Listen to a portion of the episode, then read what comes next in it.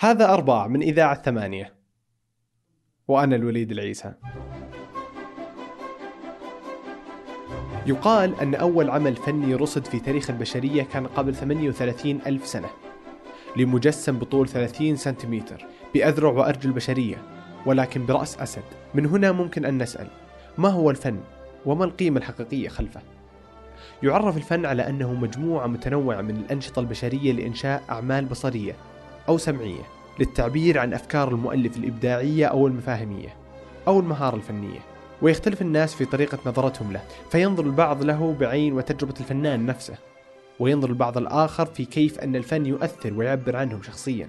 أحمد أشرف مهتم بالفن وكتب مقالة على منشور ما القيمة وراء الفن؟ فعن تعريف الفن والنسبانية والذوق ونظرة الفنانين للفن نفسه. أود أن تشتركوا وتقيموا البودكاست على آيتونز. لتصلكم الحلقة. أول ما تنشر. وتشاركوا الحلقات مع من تظنون أنها تثير اهتمامهم.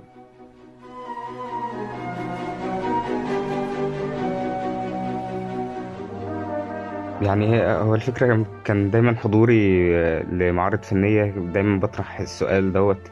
يعني ما الهدف من آه، وضع ألوان أو إنك آه، تخط سطور في رواية أو إنك تعمل أي عمل مما يطلق عليه فن بال- بالمعنى المعاصر يعني. يعني إيه إيه الصفات المحددة لمفهوم كلمة الفن؟ فبالتالي يعني لما نبحث وراء ال- الموضوع هنلاقي إن الآراء آه، مختلفة تماما يعني. حتى الإطار الأكاديمي في في وقتنا المعاصر ما بقاش بيقدم إجابة شافيه عن الموضوع ويقسم بقى فهم وتحليل الموضوع لمدارس متباينة يعني. الفن الكلاسيكي والفن المعاصر وفن ما بعد الحداثة و... ويعني العديد من الأمور بهذا النوعية. طيب آه، كذا اللي يعني دائما نسمع آه، كذا مصطلح الفن الفن الفن. بس آه، يعني أعتقد ما اتفقنا على تعريف له. يعني ال- الفن ممكن تحليله على حسب ال ال ال ال الظرف المكاني والزماني اللي بيطرح فيه. يعني ممكن فهم ال- أمة أو مجموعة من الأشخاص أو حتى فرد في مكان ما في زمان ما يكون مختلف عن ال عن ما دونه يعني. فبالتالي ممكن الفن ك- كمعنى مجرد لازم يتم إخضاعه لمجموعة من المعايير. المعايير ديت. بتختلف بقى من مكان لمكان.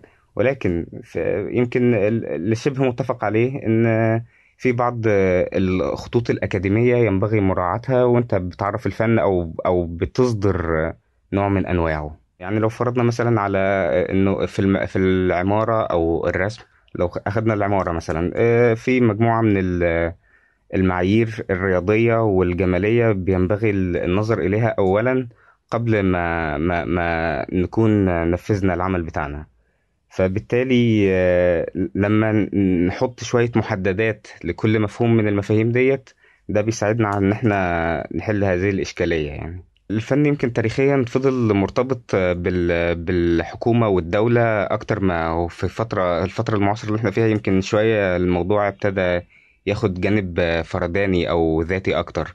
بس على طوال التاريخ كان دايما مرتبط بنية الدولة والمجتمع ككتلة واحدة. يعني إذا كان مثلا في أثينا أو في مصر كان دايما الفن المعماري أو أو الح- الحكي الشعبي مرتبط دايما بالآلهة وبنظام الحكم وما إلى ذلك ده بيخلي دايما في نوع من التسامي الأخلاقي لأن مش هينفع مثلا نذم أو نحط حاجة خارجة عن الإطار فيما يتعلق ببنية الدولة أو أو الديانة. يعني دي أمور منزهة فبالتالي لازم تكون مترفعة عن الخوض في صغائر الأمور. ده دايما خد خد الاتجاه دوت. يعني ممكن من بداية التاريخ لما الإنسان ابتدى ينظم نفسه في مجتمعات آه، داخل دولة لها قوام ولها حكومة ولها جيش ولها تاريخها دوت آه، خلى ال- ال- الفن كمعمار. يعني لو اتكلمنا عن المب- المباني الأثرية دايما كانت مرتبطة بالآلهة وبقصور الحكم.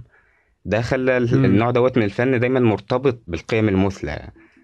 على عكس ما ممكن دلوقتي يكون الوضع اختلف عشان آه، يعني العصر أكثر ذاتية وفي ديمقراطية أكتر وفي مساحة أكبر لكل فرد إن هو يعبر عن نفسه.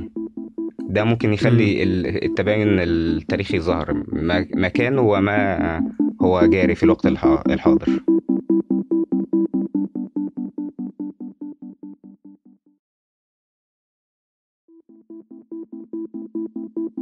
النسبانية يعني هي فكرة التجرد من المعيار الأكاديمي والأحكام المسبقة إن يكون الفرد هو المقياس فيما ينتجه. يعني الشخص المعترف مثلا إنه خط عمل أو كتب أيا كان العمل اللي قدمه دوت آه، هو هو الوحيد المخول بإصدار أو تعريفه كفن يعني. بحيث إن أنت كمتفرج أو متفاعل مع مع العمل دوت بتكون آه، بتشاهد تجربة لشخص آخر مش مش منطقة مشتركة أو رمادية ما بينك وما بين الفنان. لا أنت بتشوف بعيون الفنان هو يقصد إيه.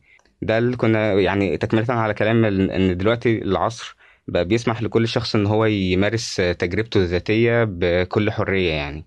بدون التقيد بالمعايير الأكاديمية. بس مو بهذا هو الشكل في جميع أنواع الفنون. في ال... لما نشوف واحد يرسم رسمة فهو يعب إحنا بنشوفها بكيف هو كان راسمها. لما عمارة أو مبنى معين ب...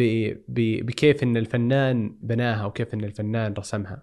فمو النسبانية المفترض إنها تنطبق على جميع أنواع الفنون. في حالات وحالات لكن في حالات أخرى مثلا ممكن نذكر آه، حادثة كانت حصلت في معرض فن معاصر في باريس إن أحد الصحفيين كان آه، في طريقه إن هو يغطي المعرض دوت. ففوجئ في مرة إن يعني إن شاف أكاديميين كتير وفي غفلة منهم وضع نظارته على أحد أماكن العرض. يعني هي كان مكان فارغ حط النضاره فقط نضاره طبيه ففوجئ بعدها بنص ساعة لما رجع المكان آه، إن المكان اتحوط بأكاديميين وكل واحد مستخرج زي note ومستخرج note فعلا وبيكتبوا زي review هات عن العمل دوت يعني. ففي الأج... الآخر فاجئهم بإن هو يعني إن ده عمل اعتباطي يعني. فممكن ده ده على على قد ما الحدث دوت صغير على قد ممكن يلفت نظرنا موضوع النسبانية. إن دلوقتي المتفرج بقى مسلوب تماما من فكرة التفاعل وبقى يعني زي ما يكون مجبر إن هو يشوف كل عمل بعينين الفنان. ويفسره مم. بطريقة الفنان. مش كهو جزء من العمل كمشاهد يتفاعل ويبتدي يحلل ويشارك وجهة نظر. لا هو بقى يعني هو مجبر إن هو يشاهد ويستمع لتجربة الفنان فقط. أه بس أه يعني مو أصلا من المفترض إني لما المفترض إني أعيش التجربة اللي عاشها الفنان يعني أوكي المفترض جزء إني أنا كيف هذا الفن يعبر عني أنا. ولكن الجزء الآخر يعني أعتقد ما أدري احتراما للفنان إنه أنظر للنظرة اللي هو كان ينظر لها. أكيد طبعا أكيد. يعني يمكن ديت هي المنطقة اللي بيتفاعل فيها وبيسمو فيها الفن. يعني خصوصا في الحقبة الكلاسيكية لما كان الفنان بيبدع والجمهور بيتفاعل مع مع الإبداع دوت. يمكن آه، لما دلوقتي في العصور المعاصرة ابتدى الموضوع يكون أكثر ذاتية فالتجربة الذاتية جدا ممكن تكون مش مش ميالة للتفاعل مع باقي البشر. يعني ممكن يبقى يكون حدث لشخص معين وحيد غيره ممكن ما يشوفوش حدث هام أو حدث ذا قيمة. فبالتالي ممكن النقطة بتاعت التفاعل ديت يتم استبعادها من من المنظومة. يعني كذا دائما لما نسمع عن الفن دائما تجي ببالنا أشياء محددة. فيجي ببالنا ما أدري آه، كذا محمد عبده بعدين يجي ببالنا ليوناردو دافنشي بعدين يجي ببالنا كذا أشياء ناس محددين هو اللي نقدر نعبر من خلالهم عن الفن. ولكن آه، يجي واحد ثاني يقول أنا مثلا ما أحب اسمع محمد عبده. أو ما أحب آه، كذا ما أدري رسمة الصرخه أو وات ما تعني لي شيء. وبهذا الوقت نفسه يمكن يزعل منه النوع الثاني من الناس ما أدري أكاديميين أو الناس اللي جدا مهتمين يقول أوه أنت ما عندك ذوق أه. أنت ما تفهم بالفن يعني هل الفن شيء يفهم ولا إنه أوه كل واحد له آه، وجه طريقة نظرته لل الفن. يعني هو بالطبع الناس مشارب وكل واحد على حسب تفضيلاته الشخصية ولكن في أمور يعني آه، إذا كان شخص هيبتدي يتعلم مثلا موسيقى لازم يكون مر ببعض النوت أو بعض الإنتاجات للأساتذة الكبار يعني بيتهوفن أو باخ أو غيرهم. يعني هو لن يتمكن من مزاولة الموسيقى بدون ما يكون فهم آه، أبجدياتها الأولية.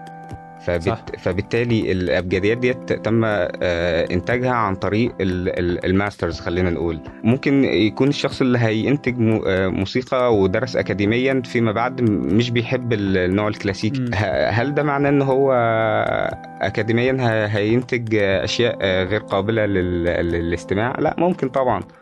وهو في الأول في الأ... وفي الآخر الموضوع مرتبط بالذوق الشخصي مش بالحتميه إن هو ي... عشان اللي بيسمع بيتهوفن هو ذو سمع سليم قد يكون. اكاديميا هو ده الصح لكن يعني هو في الأول في الآخر الفن شيء للتفاعل مش للإجبار هل في محددات للفن؟ إنه أنا بقول لازم يصير بالفن كذا وكذا وكذا عشان أقدر أسميه فن. إذا ما صارت في هذه الأشياء هو مو فن. ممكن أظن الشرط الأساسي إنه يكون آه، بدون بدون محددات أولية يعني هو هو يعني. قائم على التجربة بالدرجة الأولى ومن خلال التجربة بنقدر بعد كده نقيم آه، إذا كان دوت هيبقى فن ولا لأ ولكن مم. آه، يعني لو حصل العكس واستبقنا الأحداث وقلنا إن الفن واحد اتنين تلاتة أربعة وانتهينا على كده. لا ده ده بيقتل التجربة ويمكن الصفة الأساسية للفن الإبداع. والإبداع مش بيجي بإن إحنا نكون حاطين آه، آه، مفاهيم وإطارات مح- محددة ومصمتة. لا بالعكس هو ال- الفن قائم على الإبداع فبالتالي قائم على التجربة.